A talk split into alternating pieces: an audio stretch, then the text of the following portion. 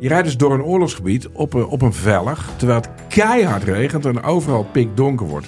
Nee, we durven niet te stoppen. En je- eh, ja, eh, Joep is nooit bang. Joep Vermans, de kamerman, die was nu ook echt bang. Via podimo.nl slash gonzo luister je de eerste 30 dagen gratis naar Podimo. podimo.nl slash gonzo. Liegen over een mondkapjesdeal die je hebt gesloten met de overheid. Een deal waarmee je miljoenen hebt verdiend. Dat doet toch alleen Siewert van Liende? Nou, nee. Ik ben Felicia Alberding en in de Mondkapjesmiljonairs duik ik met een team van correspondenten in andere schandalen. Want wist je dat Siewert helemaal niet uniek is? Luister de Mondkapjesmiljonairs in je Podimo-app. Of ga naar podimo.nl slash mondkapjes. En probeer Podimo 30 dagen. podimo.nl slash mondkapjes. Welkom. Vanaf de redactie van De Groene Amsterdammer is dit uw wekelijkse podcast. Zoals u hoort ben ik niet Kees van der Bos, die is even weg. Ik ben Stefan Sanders en vandaag uw presentator. Mijn gast vandaag, Joost Vries. Adjunct hoofdredacteur van De Groene Amsterdammer en vooral veelschrijver in dat blad. En dat vind ik een compliment waard. En hij is ook nog eens de auteur van verschillende romans.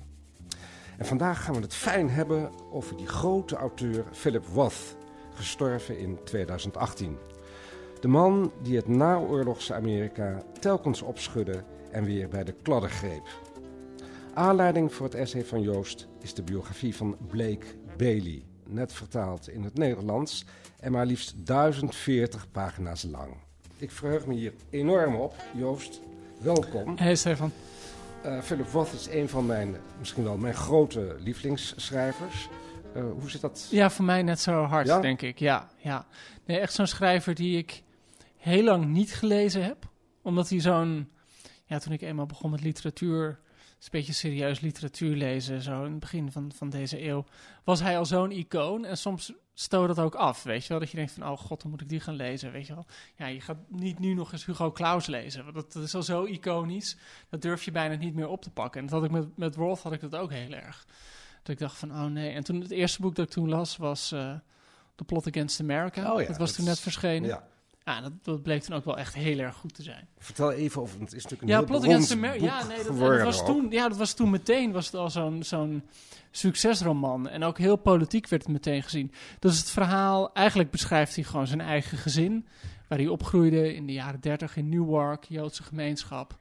Alleen wordt in dat boek niet eh, Roosevelt opnieuw herkozen tot president. Maar de vliegenier eh Lindbergh. En dat was nog een antisemiet. En dat was iemand die niks met de oorlog eh, in Europa te maken wilde hebben. Dus eh, beschrijft hij eigenlijk in Amerika waarin een, een, ja, een eh, pro-Duitse, antisemitische president het voor het zeggen krijgt. En op dat moment was toen net George Bush, George W. Bush was president. En toen werd het meteen al helemaal gezien als een soort van politieke analogie van de situatie toen met de president die veel loog en met allemaal rare verhalen over discriminatie en een oorlog waarin gerommeld werd. Weet je wat natuurlijk toen in, in Irak en Afghanistan aan de hand was. Dus dat was meteen zo'n boek dat, en ik denk dat dat voor heel veel boeken van Roth geldt, zo'n boek dat eigenlijk ook buiten de kaften van het boek betekenis had. En toen kwam Trump, ook nog eens een keertje. Ja, nee, en, toen, en, en dat was natuurlijk helemaal, want he- mensen zagen die parallel met, met George Bush. Maar ja, toen twaalf jaar later, of veertien jaar, ja, twaalf jaar later, want het boek is uit 2004, dus 2016 kwam Trump. En toen, ja, het, is nu ook verfilmd, een hele mooie tv-serie van David Simon. Eh, ja, kreeg dat boek weer opeens een hele nieuwe betekenis en eh, leek het alleen maar letterlijker te worden. En eh, ja, dat is natuurlijk als schrijver wat je, waarvan je alleen maar kunt hopen natuurlijk, dat je boek op zo'n manier doorgegeven wordt en doorgaat. En, en steeds weer ja, Amerika een nieuwe spiegel voorhoudt. Ik snap waarom je aanvankelijk aarzelde. Omdat ook toen ik opgroeide, en ik ben een stukje ouder dan jij bent, was hij, Philip Roth, al een grootheid. Ja, En het is altijd heel moeilijk om de klassiekers te gaan lezen. Ja. Omdat je denkt, ja, maar iedereen heeft ze al gelezen. En ik shock nog eens een keer achteraan. Dat ja is en je hebt het gevoel vervelend. van je moet het goed vinden. Dat is wel een Eh, beetje, ja. eh, dus je gaat het bijna met een soort van, niet met een vrije geest ga je dat boek tegemoet. Dit is een kanon. Hè? Dat, dat, Ja. dat, dat, dat, dus je moet het wel ja, fijn je, het vinden. moet wel, ja. ja. Ehm, nou is het aardige, jij bespreekt hier die biografie in je essay. En eigenlijk, puristen vinden natuurlijk dat je gewoon Een schrijver moet beoordelen op zijn werken, romans en essaybundels en zo'n biografie, het leven wat hij daarnaast heeft geleid. Ja, ja, ja, dat mag helemaal niet van invloed zijn. Ja, maar het, het- bij, bij Roth is dat misschien wel een uitzondering waar hij zelf ook heel erg om, om vroeg. Of die hij zelf heel erg uitlokte. Want Roth was natuurlijk een schrijver die heel erg over zichzelf schreef. En dat dan volgens overal weer ging ontkennen dat hij het over zichzelf schreef. Maar dat was iemand die, die eh, hij had natuurlijk Nathan Zuckerman, dat was zijn, zijn alter ego, een personage dat in heel veel romans opduikt. Dat was de man die hij in zichzelf stelde en die had hij Nathan Ja, Zuckerman Zuckerman, genoemd. inderdaad. Ja. Ja. zijn alter ego. Ja. En die... ehm, nou, de, de, de biografie van die Zuckerman leek heel erg op die van hem. Week op een aantal hele belangrijke punten af. Maar leek er op, in principe wel op. Dus dat, dat was echt een vorm. En dat, dat heeft Roth denk ik in veel boeken gedaan. Waarmee hij eigenlijk voor zichzelf alternatieve levens uitprobeerde. En een van zijn mooiste boeken heet ook The Counterlife. Dus het contraleven. En dat is eigenlijk is ook met Zuckerman in de hoofdrol. Die eigenlijk allemaal scenario's herbeleeft die Roth op dat moment ook in zijn leven meemaakte. Alleen waar Roth dan links ging, ging Zuckerman rechts. En zo bleef hij zichzelf opnieuw uitproberen. En dat was absoluut fictie. Maar gewoon, ja, recensenten waren er eindeloos door gefascineerd. En waren eindeloos erop gericht eh, van, van ehm, ja, is het niet echt waar? Volgens mij is het gewoon echt waar. Je had zo'n beroemd moment in een interview met Philip Roth. Toen had hij net een boek over Zuckerman geschreven, het, contraleven, waarin het gaat over de open hartoperatie eh, van Zuckerman. En dat hij daarna werd gevraagd van hoe gaat het met je hart? En dat Roth echt zei, zal ik mijn shirt openscheuren? Dan kan je zien dat ik geen litteken had. Maar omgekeerd, toen Roth een paar jaar daarna een vijfvoudige bypass kreeg, toen was een van zijn eerste reacties van shit, hier heb ik al over geschreven, dus ik kan het nu niet nog een keer doen. Dus, en dat is natuurlijk denk ik bij een schrijversbiografie wat er denk ik heel interessant aan is. Dat je toch altijd een beetje die puzzel wil leggen van welke verhalen zijn nou volledig uit de duim gezogen, volledig fictie. En welke verhalen zijn nou gekoppeld aan wat hij heeft meegemaakt in het leven. Nou ja, wat zo belangrijk is, en dat laat je ook helemaal zien in dat essay, is dat eh Roth eh, een, een, eigenlijk van meet af aan als jonge schrijver ongelooflijk ambitieus is en een zekere verbeterheid aan de dag legt. Ook al denk ik, nou ja, dat, dat wordt ook duidelijk in die biografie en ook trouwens in jouw essay, omdat hij komt uit het Joodse milieu, Newark, eh vlakbij New York. En nou ja, we vergeten het wel eens, maar net na de oorlog en ook voor de oorlog waren Joden echt nog niet zo geïntegreerd in white America. Nee, nee. En, en dat, dat was bij hem denk ik ook zijn hele leven een strijd. Dat hij vaak werd gezien als een Joodse schrijver. Terwijl hij zei, ik ben een Amerikaanse schrijver. En ik ben gewoon opgegroeid met op een high school, met een prom en met honkbal. En, eh, dus, dus aan de ene kant zat er dat heel erg. Maar ja, aan de andere kant, ja, dat, die Joodse gemeenschap is wel waar hij zeker de eerste helft van zijn carrière de grootste verhalen uitputte. En waar hij zich heel erg tegen afzette. Dat, dat probeer ik in mijn stuk te beschrijven. Dat wat denk ik Roth in zijn leven een soort van cyclische beweging is. Dat hij de hele tijd zich ergens opgesloten voelt. Dan wel in zijn jeugd en, en de Joodse gemeenschap, dan wel in zijn huwelijk, dan wel in zijn reputatie. En dan weer na vijf of tien jaar iets doet waarmee hij radicaal breekt met de man die hij al die tijd is geweest. Dus het is gewoon iemand die zichzelf de hele tijd probeert te bevrijden aan de hand van... En dat doet hij wel steeds met boeken. Dat hij wel echt elke keer weer iets nieuws wil doen. En ik bedoel, dat, wat dat betreft eindigt uh, leven daar ook bijna mee. Ik bedoel, hij begon echt uh, met verhalen. Goodbye Columbus was zijn debuut in 1960. Won hij meteen de National Book Award mee. En dat waren gewoon hele grappige verhalen over... Ja, uh, mensen in Newark die elkaar een beetje een oor einnaaiden. En nou, Joodse gemeenschap waren heel boos om. Want die zeiden echt zo van, ja, hallo... Hij kreeg ook brieven van rabbies die zeiden van... je hebt niets geschreven dat Rude of dat uh, uh, Streiger... dat was een van de nazi-ideologen, niet zou willen lezen. En boeken passen precies in het rijtje van Geuring. Nou, natuurlijk heel heftig. Maar als je dan kijkt waar hij zijn boeken, zijn oeuvre ongeveer mee eindigde... met American Pastoral, I Married a Communist, The Human Stain... ja, dat zijn echt boeken waarin hij toch ja, ook wel de schaduwkanten van Amerika laat zien. Maar echt die Amerikaanse ideologie van vrijheid, van meningsuiting en burgerschap echt helemaal bezinkt. Dus ik denk wel dat hij echt um, ja, uiteindelijk uh, daar zijn hele leven mee geworsteld heeft. En, en toch als, ja, terecht ook als meer als Amerikaan wordt gezien dan als wat dan ook. Dat wilt hij natuurlijk ook ja, nee, per nee, graag. Ja. Uh, zijn bekendste boek, toch nog steeds misschien wel, is Portnoy's Complaint uit 1969. Ja, ik vraag me af of dat nog steeds het bekendste boek is hoor. Ik bedoel, het is niet denk ik het boek dat je nog steeds het meest in vertaling tegenkomt. Nou, dat kan. Ik, Ja. ik, ik, ik vond het altijd... eh, ik weet de eerste keer dat ik het las, ja, ook weer 30 het was jaar natuurlijk wel geleden. zijn doorbraak naar Ja. echt een miljoenenpubliek. Ja, maar z- kun je heel kort vertellen waar het over gaat? Ja, eh, wat, wat ik er interessant aan vind, is ook als je het decennium ervoor neemt. Dus het decennium ervoor, hij was getrouwd met een eh, Amerikaanse vrouw, die was al gescheiden, had een heel slecht huwelijk gehad, had twee kinderen uit het eerste huwelijk, met een heel moeilijke band. En Roth had zich gewoon voorgenomen, ik ga voor dit gezin zorgen. En ik ga laten zien dat ik een nette man ben, dat ik een goede echtgenoot ben, dat ik de, de rekeningen betaal. En in die tijd schreef hij ook eigenlijk hele saaie boeken in de jaren zestig. Dus van die hele 19e eeuwse, beetje Henry James-achtige realistische romans... waar heel weinig humor in zat, heel weinig frivoliteit. Keurig, Ja, zoals het en, hoort. ja, en toen in 68, hij was toen, lag hij al in scheiding. Ja, en toen kreeg je het beroemde verhaal dat zijn vrouw, zijn ex dus... met wie hij echt een enorme vechtscheiding zat... bij een auto-ongeluk om het leven kwam. En dat wordt ook wel mooi in het boek beschreven... dat Roth op weg was naar het uitvaartcentrum. En die taxichauffeur tegen hem zei van... hey, heb je goed nieuws gehad? En Roth zei, hoezo? Hij zegt, ja, je zit al de hele weg te fluiten. En ja, dat is natuurlijk heel, heel hard... maar dat was echt Roth's gevoel van... ik ben, ik ben verlost. Ik ben bevrijd. Ik ben bevrijd. Want en op dat vrouw moment, is dood. Ja, ja, gewoon, is ik hard. Ben, ik, ja, dat is hard. Maar wel het idee van ik heb mijn leven terug. Op een gekke manier. En nou, bam. Dat, dat voltooide hij gewoon in ehm uh, Portnoy's Complaint. Wat een soort van stand-up comedy boek is over ja, een Joodse jongen met een hele strenge moeder. Een heel verstikkend milieu die dat eigenlijk afreageert door gewoon eindeloos te masturberen. Op elke mogelijke manier te masturberen. Dat geweldige scène zit erin. Dat hij zit te masturberen op de wc en dat zijn moeder op de deur staat te bonzen. Wat ben je aan het doen? En dan zegt hij, ja, ik zit te poepen. En dan zegt ze, niet doorspoelen, ik wil het zien.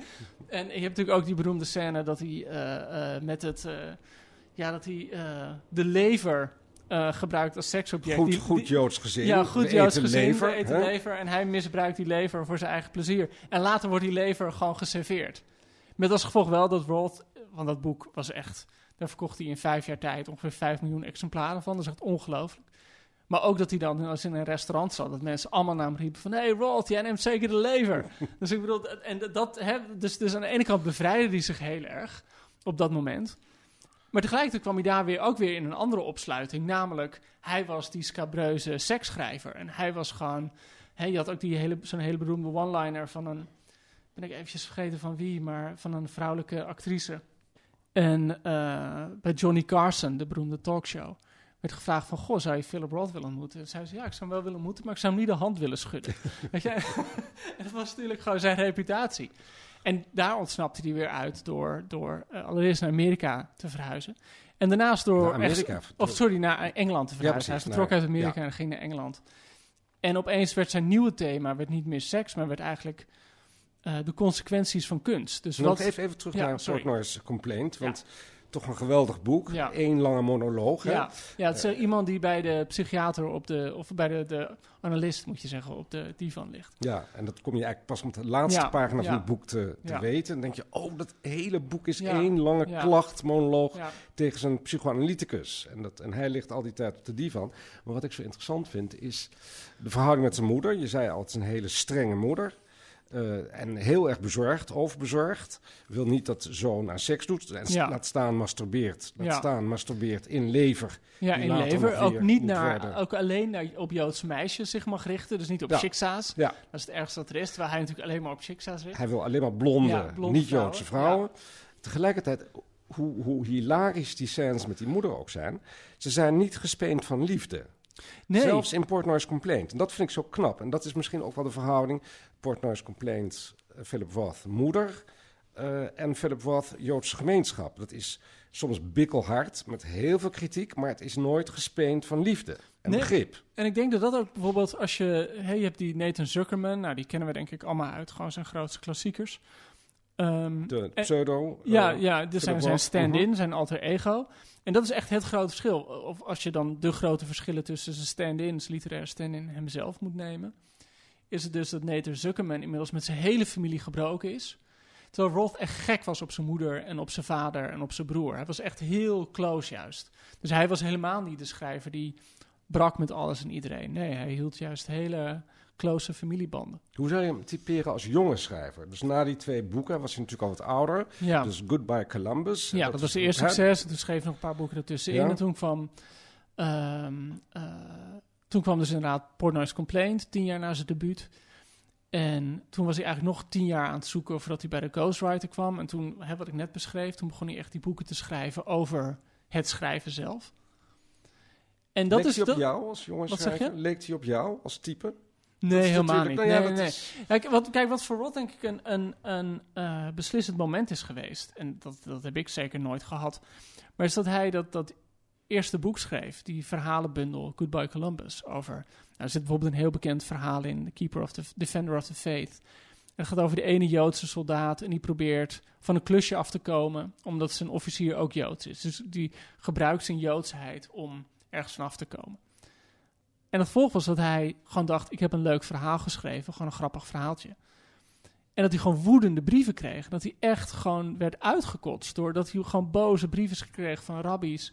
Van vooraanstaande mensen in de gemeenschap. En dat hij toen opeens die, die, die dat heel direct beleefde. Van god, dit is dus wat er kan gebeuren. Je kan echt verstoten worden uit je gemeenschap. Wat ik heel leuk vond, om, om terug te komen op de vraag die je net Hm. stelde.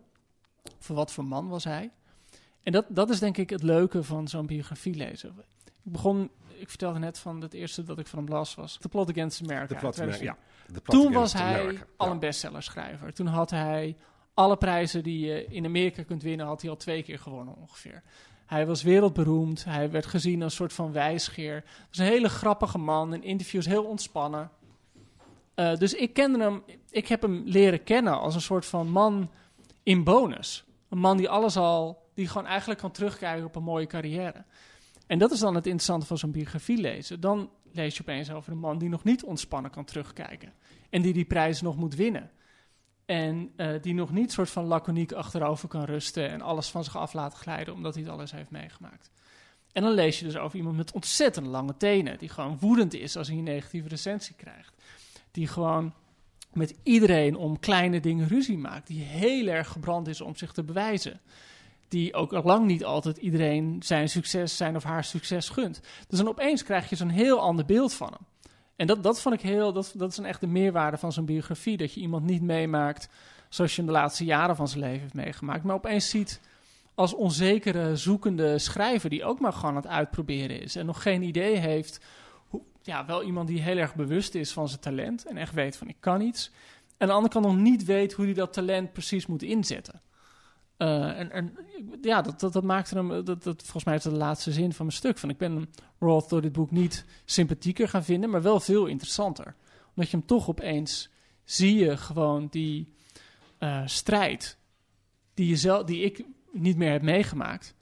Uh, omdat je gewoon alleen die boeken kent als de klassiekers die ze waren. Nou ja, het is natuurlijk heel gek. Je leert een schrijver kennen op een gegeven moment. Zo'n schrijver is meestal 30, 40, 50 jaar ouder ja. je zelf bent. Dus je ziet bijna het eindproduct van ja. je leven. En je, je vergeet dat er een heel erg moeizaam begin is geweest. En een hard begin ja, ook vaak. Nou, ik, ik heb Roth nooit geïnterviewd, maar ik, dat is echt het leuke bij De Groene. Dat ik door de jaren heen heel veel... Ja, van Ian McEwan tot Hillary Mantel, noem maar op. Je, weet, je kan heel veel grote namen kan je interviewen. Dat heb ik zeker, uh, dat ik wat jonger was. Dat ik net begon, deed ik dat heel vaak. En dat was echt zo'n geruststelling. Als je dan met hun sprak over hè, hoe schrijf je een boek. Dat zij ook elke keer zeiden van ja, ik heb geen idee wat ik aan het doen ben in het begin. Ik bedoel, je hebt gewoon twee ideeën en die probeer je bij elkaar te brengen. En, en het mislukt de hele tijd. En dan als het genoeg maar mislukt, dan ontstaat er vanzelf iets dat een beetje overeind blijft. Dus dat is altijd wel een troost hoor. Dat, dat je altijd weet van elk boek begint gewoon met een puinhoop. Nou weet je, je zei interessant. Hè? Na de lezing van die biografie ben je hem in ieder geval niet misschien, misschien sympathieker gaan vinden, maar wel interessanter. Een interessant leven, dat Ja. heeft hij zeker eh, eh, gehad. Philip Roth, ik bedoel, hij was natuurlijk een womanizer. hij had altijd verhalen, Weibergeschichten, altijd met vrouwen, het liefst blonde vrouwen. Maya Farrow, de actrice, Ava Gardner, Nicole Kidman, eh, zelfs even... Ja, probeerde die. Ja, dat Nou ja, is niet een van zijn weinige blauwtjes. Oh, is een blauwtje Ja, geweest. ja. Oké, Jackie Kennedy. Jackie, ja, ongelooflijk verhaal is dat inderdaad, ja. Dat Die hij, ook eh, nog even, maar goed, dus heel veel vrouwen. Nou, noem je in je essay een andere, toch behoorlijk beroemde schrijver, David Foster Wallace.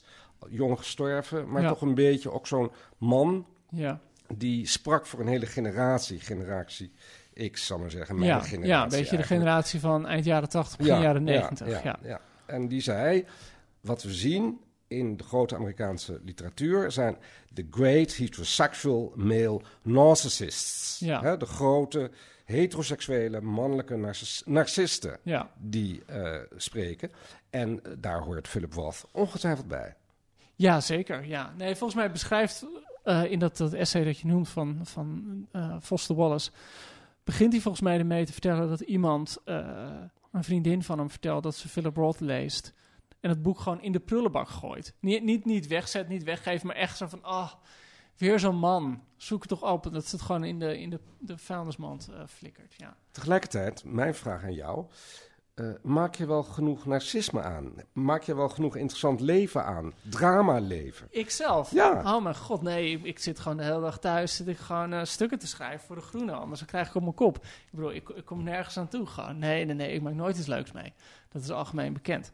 Ehm, dat is ook mijn grote probleem. Weet je wel, had ik maar gewoon, eh, had ik maar die enorme oorlogsgeschiedenis. Had ik nog iets meegemaakt, Stefan? Maar je kunt nu nog een biografie construeren. Hè, ja, nee, nee. nee, enorme nee. Ingewikkelde Kijk, verhoudingen het te grappige- beginnen, Het grappige is dat- wat, die, wat die, dat, dat narcissist, de great male narcissist.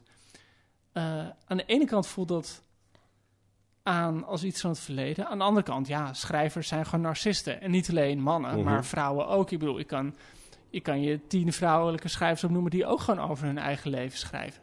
Dat is helemaal het probleem niet. Maar wat denk ik, en dat probeerde Dave Foster Wallace te beschrijven voor die generatie van, eh, van Roth. Weet je, had Mailer en Updike en Sol Bellow. En het waren mannen die eigenlijk sowieso... Ja, ze schreven ook wel heel mooi over vrouwen, hoor, daar niet van. Maar vrouwen waren wel op de eerste plek dienend, denk ik. Maar het waren ook mannen die zonder enige terughoudendheid over zichzelf konden schrijven. Over alleen, boek na boek, alleen over hoe zij zelf in de wereld stonden en naar de wereld keken. En dan volgens volledig vanzelfsprekend vanuit kunnen gaan dat dat verhaal, hun persoonlijk verhaal, ook door de rest van de cultuur gezien werd als het belangrijkste verhaal. En dat is denk ik wat er nu veranderd is. En dat is denk ik ook dat kantelpunt, dat stuk van, van David Foster Wallace van eind jaren negentig, volgens mij. Wat aan het veranderen is. Dat je nu gewoon merkt van eh, literatuur draait niet meer om de grote eh, mannelijke schrijver die het nog één keer uitlegt aan iedereen. Ik bedoel, literatuur is veel diverser geworden, veel vrouwelijker geworden. Eh, je merkt echt dat er enorme behoefte is aan verhalen uit andere plekken van de maatschappij dan alleen uit de bibliotheek. Dus wat dat betreft, die positie die Roth had, eh, met het soort boeken dat hij schreef. Ja, ik denk dat als die boeken nog vandaag de dag geschreven zouden worden, dat ze nog steeds heel goed waren. En ook wel zo gewaardeerd zouden worden. Maar de vanzelfsprekendheid waarmee je zeg maar, de, de eerste plek op het podium krijgt, die is denk ik veranderd. Toch is er iets juist bij Philip Roth, wat mij altijd enorm heeft eh, gefascineerd aan, aan de man. Ehm, ja, hij was heteroseksueel, eh, nadrukkelijk heteroseksueel, nadrukkelijk man, altijd met vrouwen in de weer. Maar eerlijk gezegd was hij de, e- de eerste schrijver, en ik was gewoon een, een 20-jarige homoseksuele lezer, Ja, die aan mij uitlegde waarom en hoe die heteroseksualiteit nou in elkaar stak. Waarom die, die mannen nou zo ontzettend dol waren op die vrouwen. En ook wat, wat de problemen daarmee waren. Want het aardige is dat al die andere schrijvers die je noemde, Sol Bellow, Updike, hè, al die grote Amerikaanse schrijvers, die, die, die nemen dat bijna als gegeven. ja. Terwijl bij Philip Roth krijg je echt inzicht als antropoloog in, oh, zo werkt ja, dat. En dat zit wel grappig dat je dat zegt. Het zit misschien ook wel gewoon een beetje in de jeugd van hem hoor. Met het idee van je mag niet naar, naar chicks. Bij hem is seks altijd op de eerste plaats geproblematiseerd. Ja. Ik bedoel, dat, dat zit ook in die latere boeken, dat die Zuckerman dan inmiddels een eh, eh, prostaatkanker heeft gehad. En impotent geworden is. En dat hij dan de hele tijd maar verlangt naar die seks. En dat kan gewoon niet. En daaraan ten onder gaat. Eh, en, en dus dat klopt wel wat je zegt. Kijk, bij, bij, bij ehm, nou, neem John Updike, is het gewoon, nou, vrouw, lekker vrij, eh, heel mooi beschrijven, mooie metaforen. Of hele slechte metaforen, dat ook. En bij Roth is het altijd een soort van verlangen dat gedrenkt is in het niet mogen of het niet kunnen. Of ja, eigenlijk die, die pijn die erop zit. Ja, hij beschrijft bijvoorbeeld in een novelle die mij heel erg lief is, The Dying Animal, Ja, beschrijft hij zichzelf ook echt als een, een man die eh, volkomen verslaafd is. ja. Als een junkie. De junkie die zoekt naar zijn heroïne, dat is dan de seks die hij moet krijgen van jonge vrouwen. En die vrouwen geven het hem niet. En hij moet smeken en hij moet hele ingewikkelde toeren uithalen. En hij moet, maar hij is verslaafd.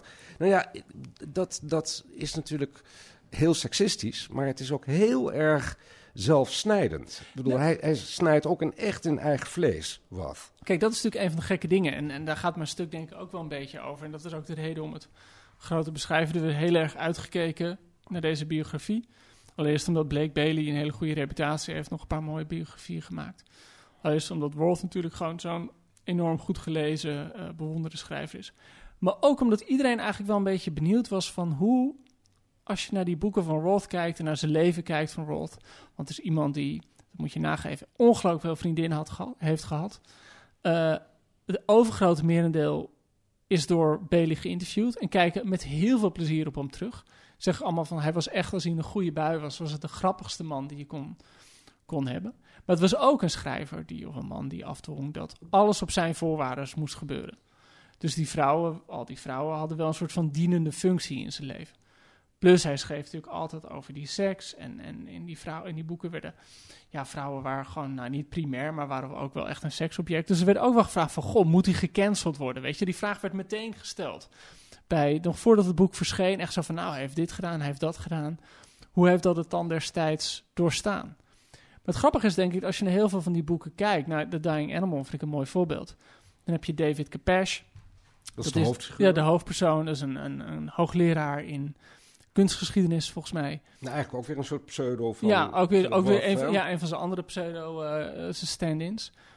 En die heeft er een goede gewoonte van gemaakt, zoals men doet... Uh, om elk blok een nieuw meisje uit te kiezen en daar een affaire mee te beginnen. En in dit geval is het Consuela, dat is een prachtige, ik geloof, Puerto Ricaanse vrouw... Um, en dat, dat heeft natuurlijk al, dat wordt een soort van verlekkerd, lijkt het. Af, als je het oppervlakkig leegt, wordt dat verlekkerd. En is dat natuurlijk het schoolvoorbeeld van wat inmiddels MeToo is. Namelijk professor die jong meisje, die studenten oppikt.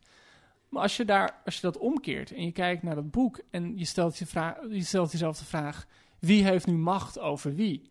Dan moet je tot de conclusie komen dat Consuela de macht over hem heeft. Hij is gewoon verloren. Dat wordt ook op een gegeven moment letterlijk in het boek tegen hem gezegd: van je bent verloren. En hij kan gewoon niet meer om haar heen. En hij moet, hij moet en zal die borst. Het gaat de hele tijd over de borst. Er zit echt pagina's lange passages over haar borst in. Um, dat moet je ook maar kunnen opbrengen als schrijver, omdat elke keer weer... En als lezer. ja, als lezer, ja, ja, ja. En um, uh, dus eigenlijk is hij het, het, slachtoffer van haar. Of nou, eigenlijk is hij natuurlijk het slachtoffer van zichzelf. We horen hier even een drillboor. Ja, we horen even een drillboor. Er wordt hier een beetje gewerkt in de belendende panden van de groene. Nee, maar we praten er toch doorheen, want anders dan komen we nergens. Um, dus niet cancelen. Dus nee, nee, het, het, het gekke is, kijk, niet kijk, als je hem wil cancelen op zijn leven, en daar wordt dan heel veel ingezoomd op zijn, zijn tweede huwelijk met Claire Bloom, een Engelse actrice. Ja, dat was gewoon zo'n huwelijk van twee mensen die elkaar aan de ene kant even uitgaan van wij zullen ons hele leven bij elkaar blijven en gek op elkaar waren, en aan de andere kant elkaar ook gek maakten. En Roth ging vreemd en dan was zij weer onaardig over zijn vader die aan het sterven was. Of ze, ze wilden weer geld van hem. Het, waren altijd, het was altijd gewoon een strijd tussen die twee mensen. Maar ik denk dat iedereen die in een relatie heeft gezeten weet dat in een relatie is een bepaalde dynamiek. En ja, dat, dat nodigt elkaar uit. Ik vind het heel moeilijk om, om daar iemand op te zeggen van dit moet gecanceld worden. En als, als je hem zou willen cancelen op... Um, dan wordt het ook zo'n spelletje wordt dan. Van, nou, Rod ging vreemd, 1-0 voor Rod. Nou, uh, Claire Bloem maakt een uh, gemene opmerking over zijn stervende vader, 1-1. Ja, zo werkt het niet. Er is geen, geen optelsom die tot een moreel waardeoordeel zou moeten leiden als het gaat om uh, gewoon persoonlijke relaties. Wat en als je dan gecanceld ja. zou moeten worden op zijn werk, ja. dan denk ik, ja, oké, okay, er zijn echt wel een aantal personages, uh, vrouwelijke personages in zijn boeken aan te, op te, te, vinden die gewoon puur een soort van seksobject zijn. Omgekeerd zijn, kijk naar hoe hij over zijn moeder schrijft in The Plot Against America, dat is een heilige. Kijk hoe die over uh, Drenka schrijft in The Sabbath Steer. Dat is een soort van godin. Een soort dus, oergodin. Ja, een oergodin. Ja. Ik bedoel, de, alle, alle vormen van mensen kom je tegen in zijn boeken, denk ik. Zowel, ja, kijk, het, enige per, het ene personage lukt beter dan het andere personage, moet ik altijd zeggen. Maar die diversiteit en, en hoe levensecht ze zijn, ja, dat pleit het voor mij vrij, om, uh, vrij van cancelbaarheid. Ja. Je hebt het nou gelezen met veel enthousiasme, ja. die biografie. Hoe, hoeveel pagina's was het weer? Volgens mij, ja, de drukproef was 1040 pagina's in het Nederlands. In het Engels was het 900. Ga je nog iets veranderen aan jouw schrijversleven? Nu je dit gelezen hebt? Uh, nou, ik kan niet Jackie Kennedy meer proberen te versieren. Dat heeft, dat, uh, misschien de hedendaagse ja, equivalent, Beyoncé of zo, een keer, je weet uh, het niet. ja. Ja. Um, ik weet niet. Het, het, aan de ene kant wat Roth wel heel verlekkerd heeft... en daarin is hij heel iemand anders dan ik. Kijk, Roth wilde gewoon het grootste gedeelte van het, van het jaar... in zijn huisje in de wildernis in Connecticut aan zijn boeken werken. En dat zou ik niet kunnen. Ik zou niet alleen fictie kunnen schrijven. Ik bedoel, dat is ook de reden waarom ik gewoon bij De Groene werk. En ook als adjunct. Ik vind het gewoon heel leuk om stukken te redigeren. Ik vind het heel leuk om met mensen mee te praten. En wat, wat ik echt het geweldige vind aan bij De Groene werken... is dat dat blad, dat maak je met een klein clubje mensen. Uh, en dat is jouw verbindenis met de wereld. Alles wat er in de wereld gebeurt, gebeurt op een bepaalde Misschien is dit wel mijn narcisme hoor. Maar alles wat er in de wereld gebeurt, gebeurt op een bepaalde manier ook met mij omdat ik bezig ben daar een blad over te maken. En stel nou eens van dit is even Dus- jouw dus slechte geweten. En dat is ook mijn slechte geweten. Dat is allemaal heel fraai en mooi dat je dat doet. En dat Ja. je ook nog zo politiek eh, geïnteresseerd en geëngageerd bent. Maar stel nou eens dat een echte grote schrijver zichzelf of haarzelf moet opsluiten, monomaan moet zijn, een beetje drama in het leven moet creëren en verder helemaal niets met de journalistiek te maken moet hebben. Ja. Dat zul je soms zelf ook wel eens stiekem denken. Ja, tuurlijk. En ik, misschien eh, moet je ook gewoon zeggen, zouden mijn boeken wel beter zijn als ik gewoon in plaats van eh, drie jaar lang in vrije tijd eraan werken, drie jaar lang er fulltime aan zou werken. Ja, oké, ja, misschien worden mijn boeken er wel, wel beter van. Maar ik denk wel dat ik mezelf een saaier mens zou gaan vinden. Dus uiteindelijk zeg je, mijn Ja, leven is op deze manier zoals ik het heb ingericht interessanter. Ja, ben ik heel tevreden hoe het nu... eh, ja, dat vind ik wel, ja. Ik bedoel, ik zou het vreselijk... Ik bedoel, we hebben net de verkiezingen gehad. En hebben we met de redactie eindeloos gesprekken erover. Over alle lijsttrekkers, over de partijprogramma's... over waar we over moeten schrijven... over hoe andere media erover schrijven. Stel je voor dat ik dat allemaal niet had... en dan mocht ik alleen gewoon 17 maart ergens een kruisje zetten. Ja, dat zou ik me heel afgezonderd voelen. Nu was het een beetje alsof die verkiezingen er voor mij waren. Dat ik gewoon een paar leuke, leuke stukken erover kon maken. Volgens mij, Joost, met dat narcisme komt het Ja, wel goed. ja, maar dat narcisme zit wel komt goed, het ja. echt wel goed. Joost, Joost de Vries, dankjewel voor dit Yes, gesprek. dankjewel. Lees deze week in De Groene ook. Een actueel verhaal over het falende vaccinatiebeleid en hoe de gezamenlijke Europese vaccinaankoop mislukte. En de start van een nieuwe serie, Advies aan de informateur, waarin onafhankelijke deskundigen adviezen geven over wat er in het regeerakkoord moet komen te staan. Met deze week de hoogleraar Pablo Titonel, die stelt dat regionale productie van voedsel in onze supermarkt van 2% naar 30% moet. Dat is nog wel even flink omhoog. Dit en meer kunt u lezen met een abonnement op De Groene of een proefabonnement. Ga daarvoor naar groene.nl. En het zou heel fijn zijn als u sterren gaf in onze podcast-app. Volgende week zijn we er weer met analyses en achtergronden bij het nieuws en besprekingen van essays die u wekelijks in De Groene kunt lezen. Deze week werd de Groene podcast gemaakt door Sophie Bongers, Giselle Mijnlief en Stefan Sanders. De muziek die u nu hoort, onze eindtune, is getiteld A Tune for N van Paul van Kemenade.